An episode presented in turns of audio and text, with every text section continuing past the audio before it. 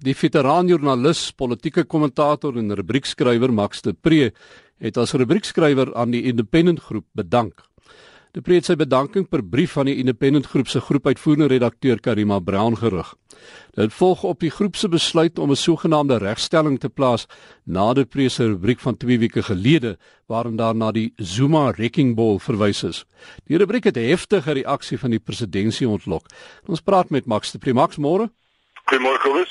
Kom ons vat net eers 'n stapie terug. Uh vir diegene wat dit nou nie heeltyd gevolg het nie. Wat was jou hoofboodskap met daardie rubriek? Wat het die presidentsie so kwaad gemaak? Ek het basies saamgevat en gesê Zuma is 'n one man wrecking ball wat besig is om al ons instellings in die land uh in te sypel en te vernietig. En die jongste voorbeelde was die inkomste diens en die valke. Ehm um, en ek verwys toe daarna dat die man het 'n geskiedenis van korrupsie en hy het 'n korrupte verhouding gehad met Shabir Sheikh. En dis toe nou waar die uh, die papaya die waier slaan. Want die uh, meneer Macmar daar spring toe op en sê maar hy onthou die storie in die verlede dat uh, regter Hillary Squires het gesê ek het nooit gesê daar was 'n algemeen korrupte verhouding tussen die president en meneer Sheikh nie. Hmm. En hier spring die ouens op my af en sê hoekom lieg jy vir hulle? En ek sê vir hulle nee nee nee nee nee, ek het nie gepraat van shake nie, ek het nie gepraat van 'n algemeen uh, korrupte verhouding nie. Ek het verwys na regter Howie van die Appelhof wat in Oktober 2006 twee keer verwys het in sy eie woorde, in hulle eie woorde, die vyf regters na die korrupte die volgehoue korrupte verhouding tussen die president en meneer Shek. Toe gaan uh, independent groep in elk geval agter my rug sonder vir my te sê en plaas hierdie verskoning in 'n in 'n kruiperige apologie. En ek het net vir hulle gesê dit dit is onprofessioneel en ek distansieer my daarvan. Die Cape Times het geweier om my om my korreksie te plaas. En ek moet net vir jou sê die die die strooi wat die kameel se rug gebreek het is toe twee Karima Brand en Bukadi Mdebe die twee hoof uh leiers is van die redaksionele afdeling van die hele groep.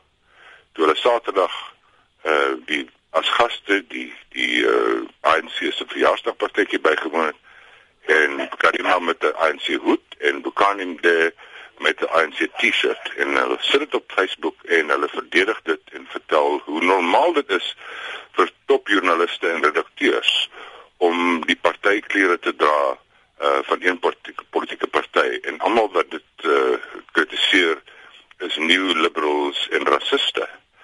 En toe het ek gistermiddag net gesê ek kan nie ek voel besmet deur met hierdie groep saam te werk, 'n groep wat mense soos Spark Alistair Sparks en Tony Weaver en John Scott en al die mense al van ontslag geraak het. Ek wou nou sê uh dit is 'n groep wat in die verlede uh, en nou moet nou teruggaan maar uh, wat wat van ons hoogstaande uh joernaliste oor die jare gehad het en wat uh, toonaangewend was in baie opsigte in die journalistiek in hierdie land.